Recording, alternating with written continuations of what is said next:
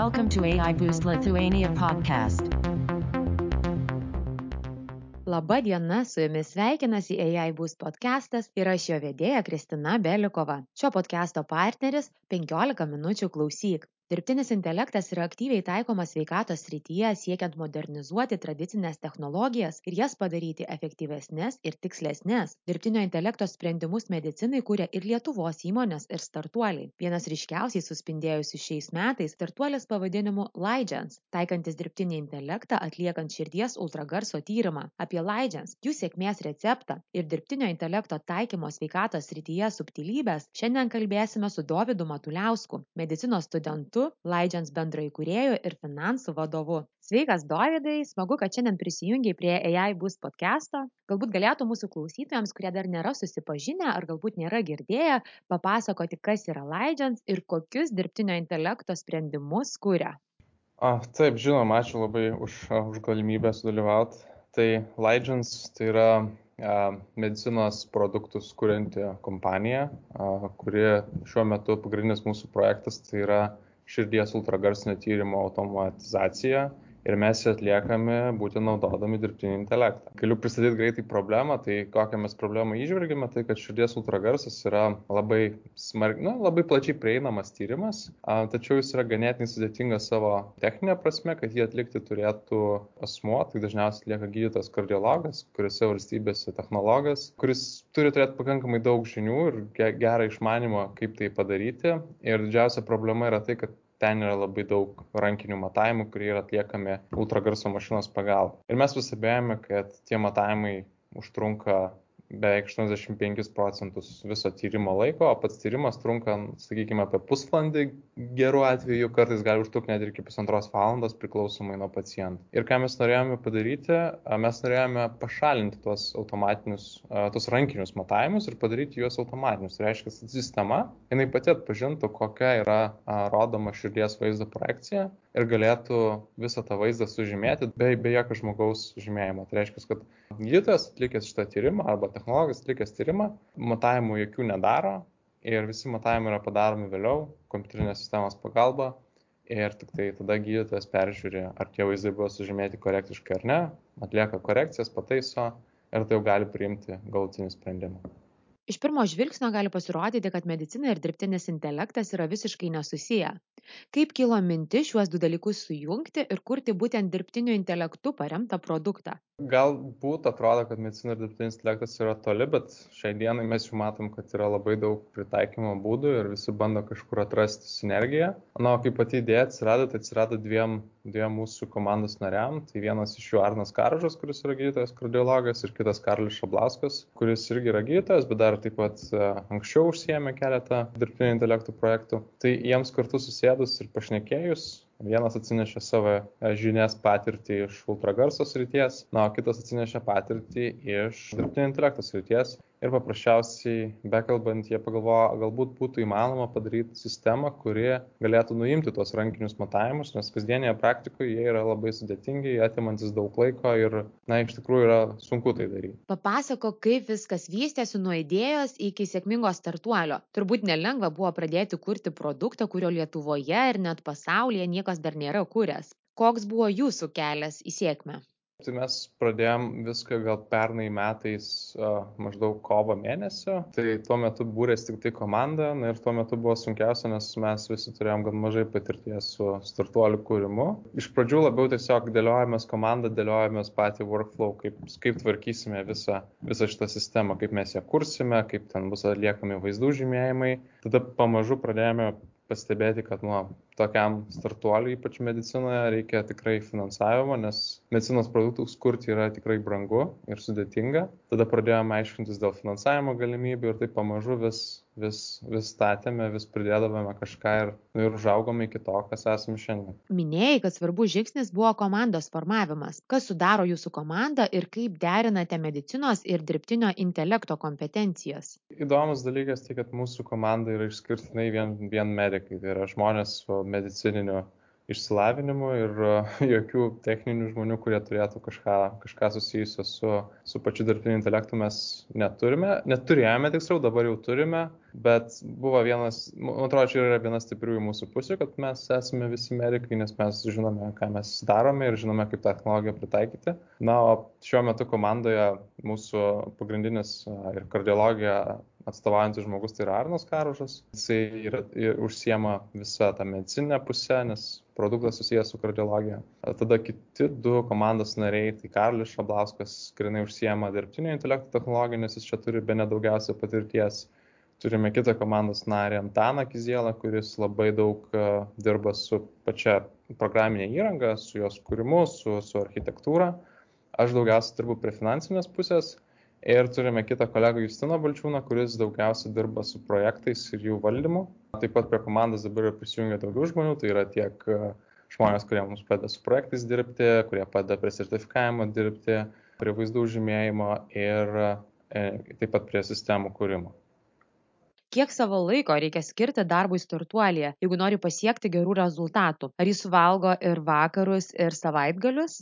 Galiu atvirai pasakyti, kad valandų kažkokių nėra, nes aš, aš turėdavau kartais e, pokalbius dėl e, skirtingų laiko juostų ir ten vos ne 10 val. vakaro ir užsitęsdavo iki 12 val. nakties, tai, bet mes kažkaip labiau orientuojamės į, į pasiekimą tų savaitinių deadline. Tai reiškia, kad mes kiekvieną savaitę turime užsibrėžę tikslus, kuriuos turime padaryti Ir viskas priklauso nuo to, kaip mes mokomės planuoti laiką. Tai bent jau pas mus komandoje visi mes esame pratę prie darbo ir tos deadline'us mes uh, juos pataikom. Tai ar yra įmanoma turėti pagrindinį darbą, o startuolių turėti kaip pašalinę veiklą? Įmanoma, bet e, ilgainiui tai labai išvargins ir pamažu reikės labai pereidinėti link full time, bet aš manau, kažkuria prasme įmanoma, bet tikrai reikės kažką aukoti, reikės aukoti savo laisvalaikį, galbūt negalėsi savaitgalį, nežinau, praleisti visą laiką vien palsiadamas, reikės kažkuria diena paskui grinai darbui, tai tikrai aukoti reikės kažką.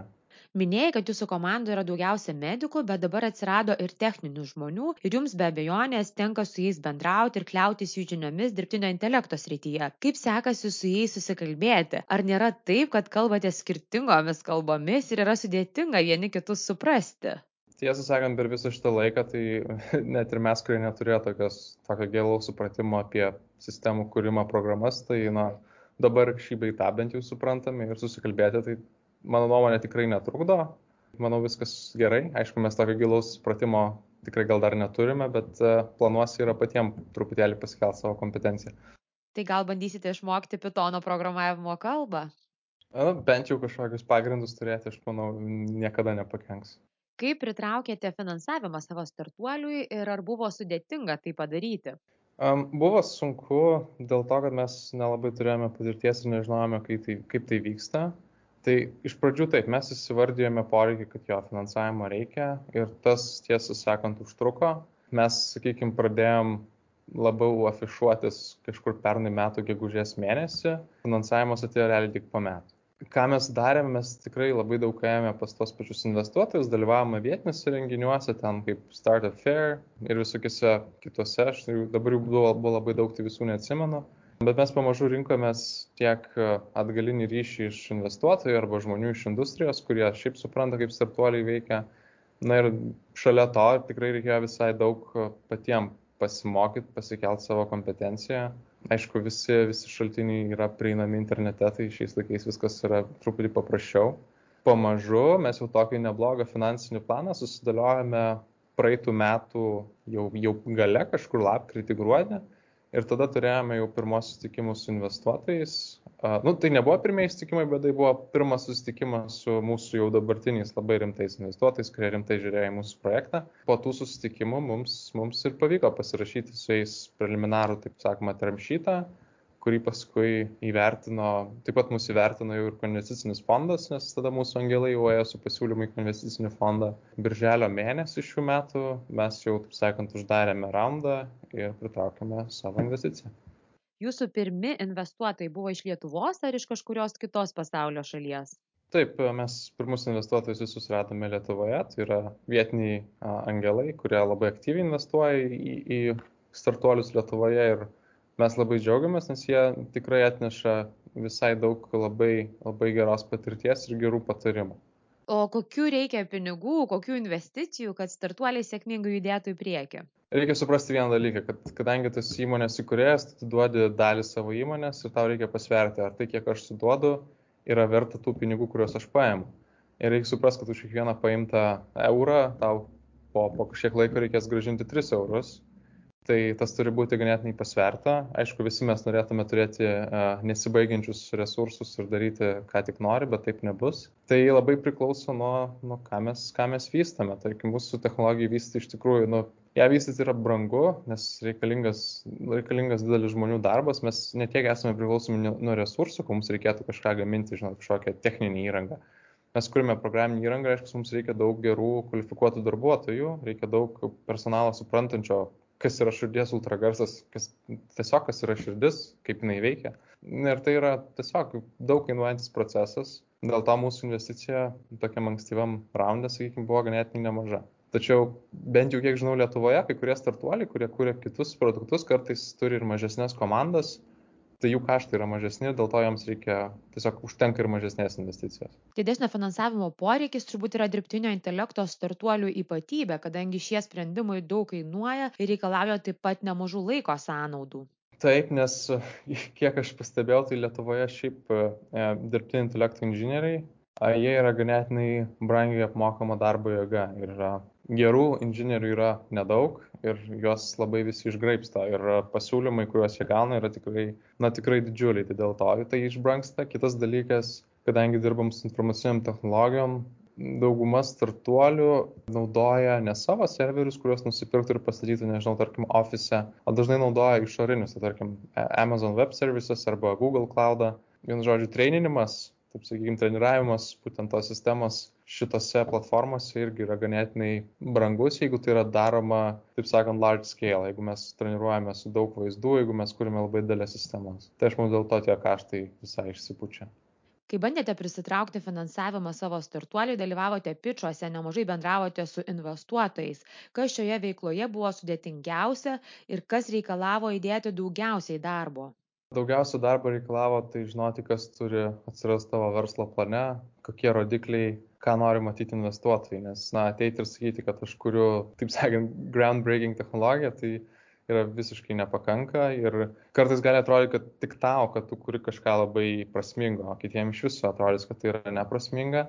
Reikia labai įsivertinti, kokią vertę tu kuri ir paskui sukurti labai solidų verslo planą, kad viskas kiekvienas punktas, kurį tu parašai, ar, ar tam Exceliukė, kurį pasidarai ir jeigu kas nors pabadytų pirštų, pasakytų, kas čia, tu turėtum atsakyti, nes tu turėtum suprasti visą savo verslą, kaip tu jį kūri, visą savo technologiją, kaip jinai, nežinau, kaip jinai atsiras, kaip, kaip galtinis vartotojas ją vartos, kam jūs parduodat, kam jums reikia pinigų ir kur jie nueina.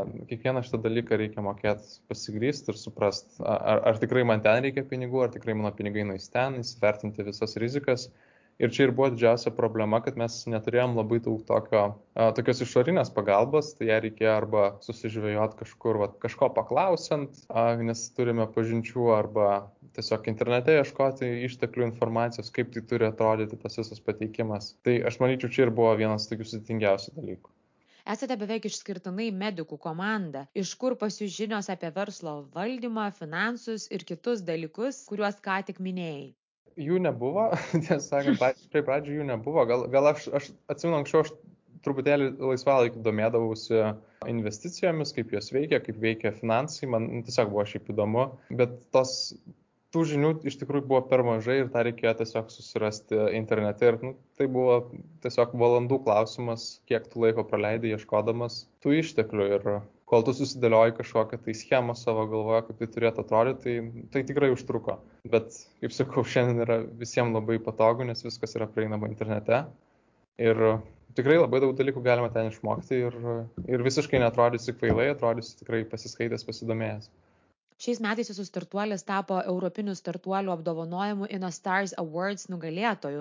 Kaip pavyko aplenkti visus kitus ir pasirodyti geriausiai? Jo, smagu, mums pavyko laimėti pirmą vietą ir labai smagu, kad antrus metus iš eilės laimė tą tokį projektą komanda iš Lietuvos. Tai prieš du metus tai padarė Oxipit, kurie irgi yra, sakyčiau, visai sėkmingas lietuviškas startuolis. Na, o kodėl mums pasisekė, tai tiesą pasakius, mums net nebuvo taip sunku, kaip pagalvoju, nes mes daugumą dalykų jau turėjome pasiruošę, pasidarę, mums, mes labai daug naujų dalykų net neišmokome, mes atėjome tiesiog jau labai stipriai pasiruošę palyginus su kitom komandom ir tas pasiruošimas tiek iš techninės mūsų pusės, tiek iš visos finansinės verslo plano pusės buvo tikrai labai stiprus. Tai aš manyčiau, kad tai ir lėmė mūsų sėkmę. Tai galima būtų iliustruoti, kad jeigu, kaip sakant, sunku pratybos ir lengva kare, tai jeigu mes žiūrėtume į tą konkursą kaip jau į karą, tai mes atėjome su labai labai stipriais ginklais. O prieš ką kariavote, kas buvo pagrindiniai jūsų konkurentai?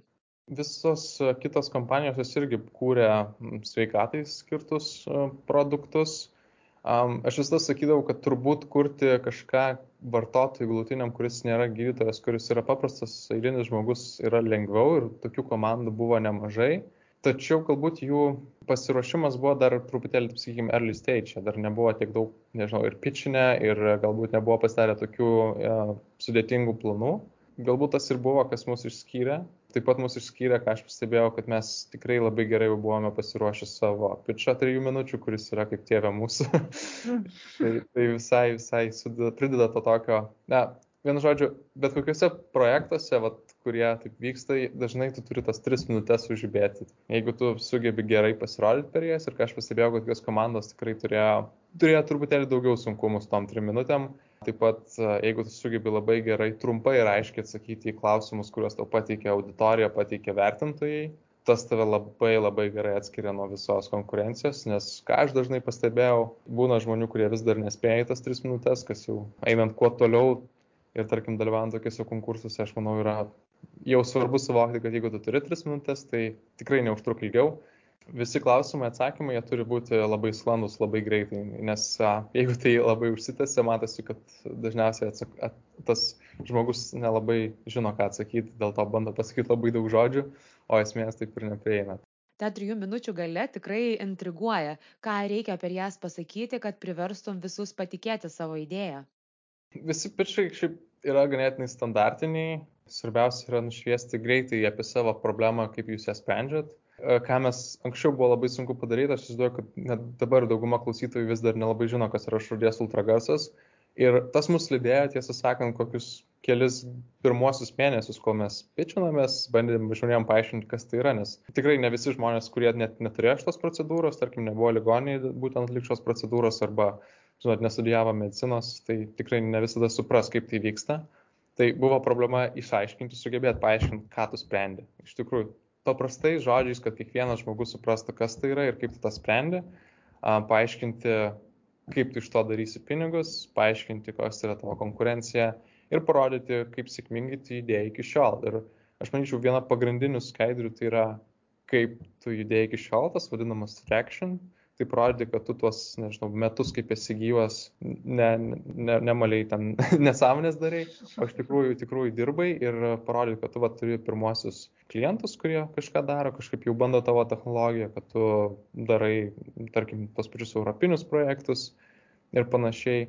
Na ir svarbiausia komanda, tai kažkaip išdiferencijuoti save iš kitų, rasti, kuo tavo komanda yra geresnė negu kitos komandos ir kodėl šitą komandą padarys daugiau negu kiti. Tai ką mes labai akcentuojam, tai kad mes esame visi medikai ir turime labai daug, pat, daug jau patirties dirbtinio intelekto kūrime. Ir tai yra vienas iš tokių unikalių bruožų, kas a, ypač dabar daug iš Europos fondų ir Europos ekspertų girdime, kad tokios komandos iš tikrųjų yra pačios stipriausias, nes mes ateiname ne vien tik tai iš tos techninės pusės, mes sugebame daryti ir mediciną. Ir mes būtent žinome, kokie yra sveikatos apsaugos sistemos skausmai ir kaip mes juos galėtume išspręsti su AI. Tai sakyčiau, čia ir yra tas toks skirtinis taškas, kaip mes labai gerai užtvirtam, kad mūsų komanda yra tikrai stipri. Tai jeigu visi dar išmoksite programuoti, kas jau yra jūsų planuose, iš vis būsite nesustabdomi. Jo, bet gali būti, dar prireiks dar daugiau kompetencijos ir, ir kitose vietose, tarkim, produktų sertifikavime, nes tai pasirodė irgi yra labai sudėtingas a, dalykas, kuris yra labai didžiulis banginis, ant ko stovi mūsų startuolis. Tai visko neišmoksi, visur reikia gal pamažu, po truputį bent jau turėti kompetencijos, bet a, geras tu gali būti kiekvienoje srityje. Prasidėjus koronaviruso pandemijai buvo daug kalbėta apie tai, kad dirbtinis intelektas ir bendrai naujausios technologijos gali padėti įveikti pandemiją. Tačiau po poros mėnesių šių pasakymų jau buvo negirdėti, o visi startuoliai žadėjo išgelbėti pasaulį dingo. Kokia yra tavo nuomonė šiuo klausimu? Ar tikrai technologijos dabartinėme kontekste galėtų būti išsigelbėjimas? Ir jeigu taip, kodėl mums nepavyksta išnaudoti jų potencialo? Šiai dienai mes jau išgyvename, esame tokiam periode, kai visi dirbtinio intelekto startuoliai pamažu turi pradėti, taip sakant, atsakinėti už savo žodžius.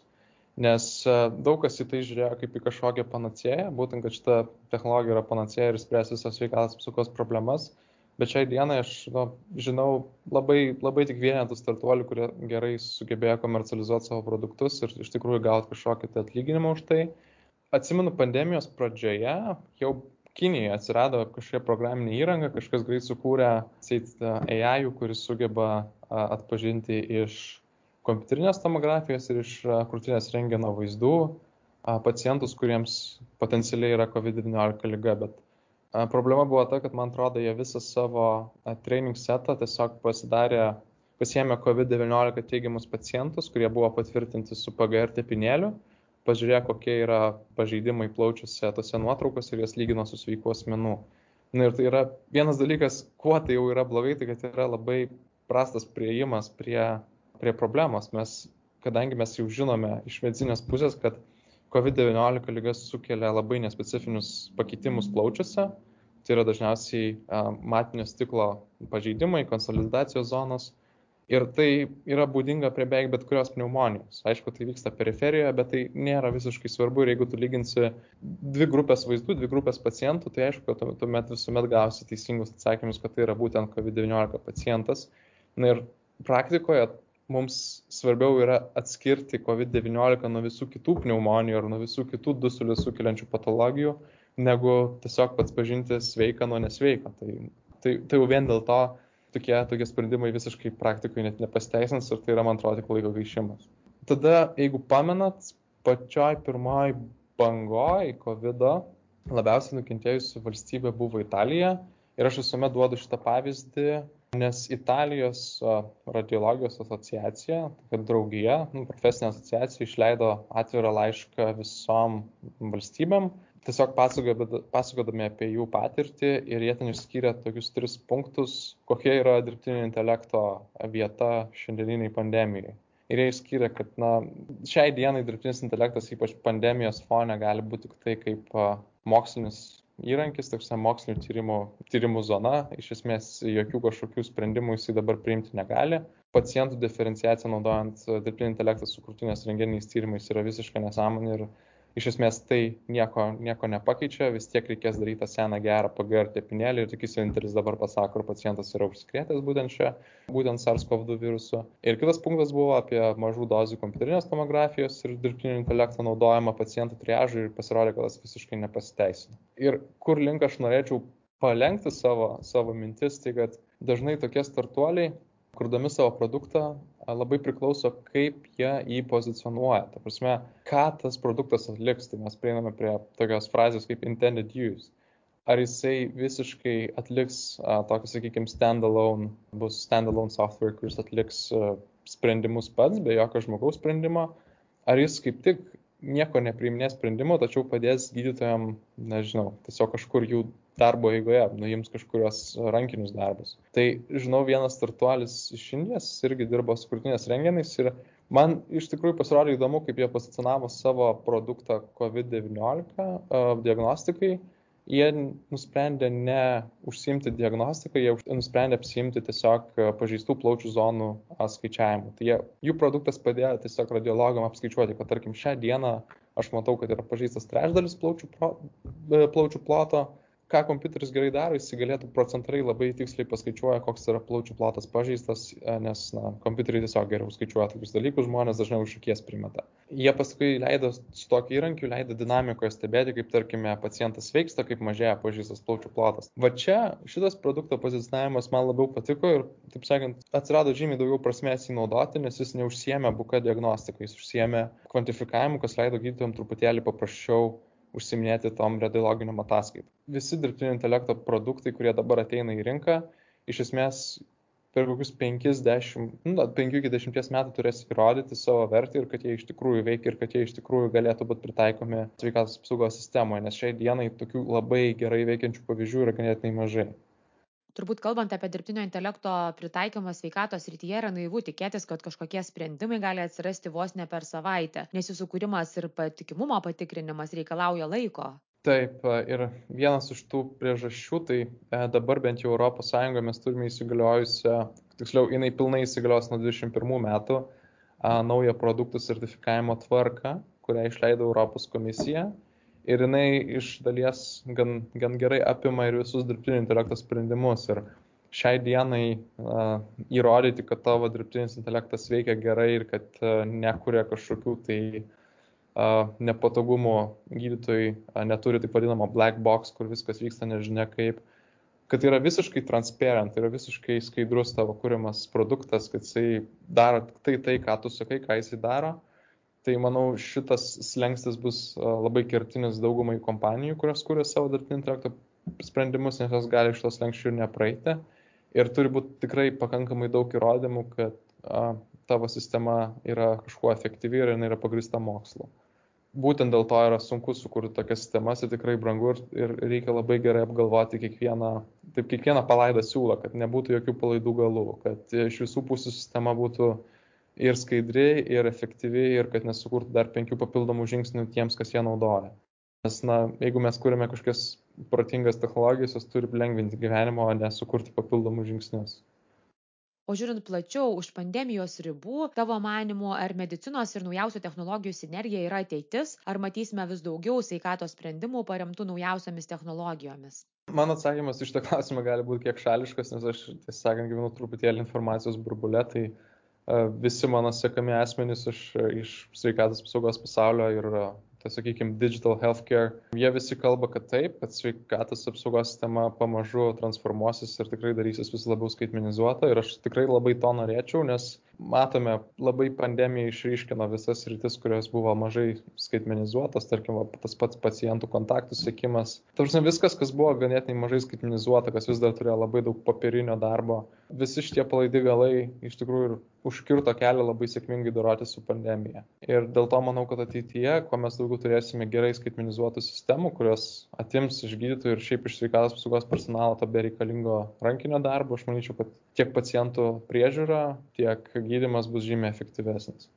O kaip patys gydytojai priima šitas technologines naujoves? Ar noriai integruoja jas į savo darbą? Suprantama kad visada yra dalis jaunesnių ir progresyvesnių medikų tačiau kaip su tais vyresnio amžiaus gydytojais kuriems galbūt yra sudėtingiau keisti įprastą savo darbo tvarką ir darbo įpročius? Medicina šiaip iš savęs yra ganėtinai konservatyvi sritis ir kaip sakau, kadangi jinai turi labai daug reguliacijų, tam prasimuš naujom technologijom ir ganėtinai sudėtinga.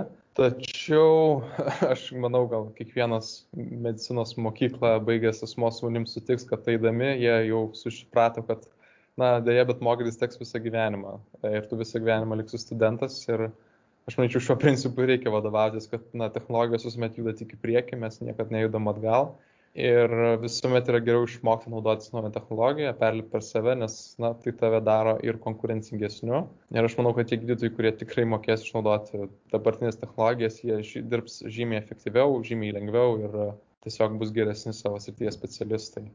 Viskas iš tikrųjų priklauso nuo to, kaip tokios kompanijos sugeba pateikti savo produktą galutiniam vartotojui. Ir kaip aš jau minėjau, svarbiausia yra įrodyti, kad tu gali palengvinti jų gyvenimą, atimdamas penkis žingsnius, o ne pridėdamas penkis papildomus žingsnius. Tai aš manau, tai kas ir atsirems į, į efektyvų technologijų panaudojimą, nes žinot, suteikti technologiją ir kur pats vartotojas turėtų labai daug dar pasidaryti tam, kad jie naudotis, tai būtų labai nepratinga.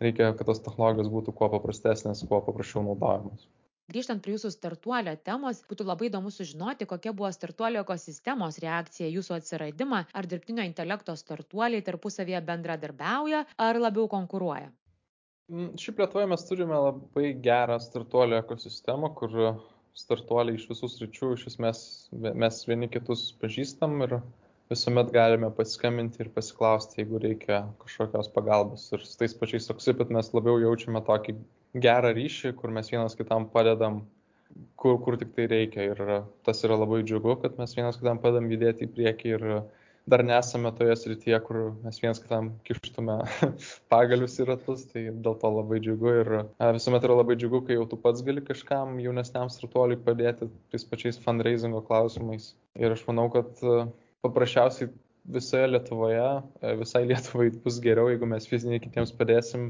įdėti į priekį. Turėsime galbūt dar, dar daugiau vienoragių iš Lietuvos.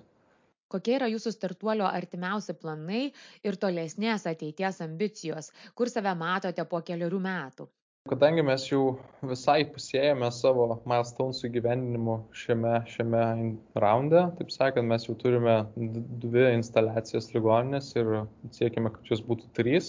Ir jeigu leis laikas, galbūt pastarysime net ir truputėlį daugiau, gal keturias. Ir kadangi jau ant nosios artėja mūsų produkto sertifikavimas, tai mes kitų metų antrą, trečią, ketvirtį planuojame kitą investicinį raundą, kuris padėtų dar efektyviau kurti mūsų dabartinę technologiją, pridėti vis daugiau matavimų, kuriuos mes turime šiandien, sukurti efektyvesnę sistemą ir žymiai paprastesnę gautiniam vartotojui ir truputėlį dairomės jau ir į kitas, kitus, kitas nišas, kur mes galėtume pritaikyti savo technologiją. Artimiausiuose planuose yra kitas investicinis etapas ir dabartinės technologijos išplėtimas. O koks yra jūsų tikslas ilgalaikėje perspektyvoje? Pats didžiausias tikslas tai yra širdies ir kraujagyslių sistemos lygų sergamumo sumažinimas visoje Europoje. Čia toks gražiausias tikslas, bet labiausiai prieinami tikslai tai, kad bent jau kitais metais mus gal turėtų apie 10 naudojančių universitetinių ligoninių. Tai jau būtų visai gerai apčiuopiamas ir, ir geras tikslas. Ir manau, kad iš, iš to mes galėtume jau ir gerai uždirbti, jau būti ir gerai uždirbantis startuolis. Dovydai, pokalbio pabaigai gal galėtų mūsų klausytojams rekomenduoti, ką reikėtų perskaityti, paklausyti ar pažiūrėti, jeigu norėtų daugiau sužinoti apie medicinos ir technologijų sinergiją ir dirbtinio intelekto pritaikymą sveikatos rytyje. Bet kuriam startuoliui, kuris nebūtinai yra iš sveikatos apsaugos, tai siūlyčiau perskaityti knygą Eric Rees Lean Startup. Tai be ne kiekvienam startuoliui svarbiausia knyga, toks, sakykime, startuolių Biblija. O tiem, kas kuria sveikatos apsaugos startuolius, tai tikrai siūlyčiau paklausyti HS Health Tech podcast. Jį kuria toks daktaras James Somerų. Ir kuo jis yra įdomus, tai kad jisai pritraukia tikrai įdomiausių tokių startuolių kompanijų atstovus, pašnekėti apie valandą, pašnekėti, kaip jie kūrė savo startuolius. Ir tie startuoliai yra labai gerai žinomi pasaulyje ir yra labai smagu, kad kiekvienas klausytas gali paklausyti jų istorijos ir pasižiūrėti, kaip plačiai iš tikrųjų yra technologija pritaikoma. Dovydai dėkoju už pokalbį ir linkiu sėkmės toliau vystant ir auginant savo startuolį. Ačiū Jums, labai ačiū. Ačiū, kad klausėtės ir iki kitų pokalbių apie dirbtinį intelektą. Ekspertiškai, bet suprantamai kiekvienam.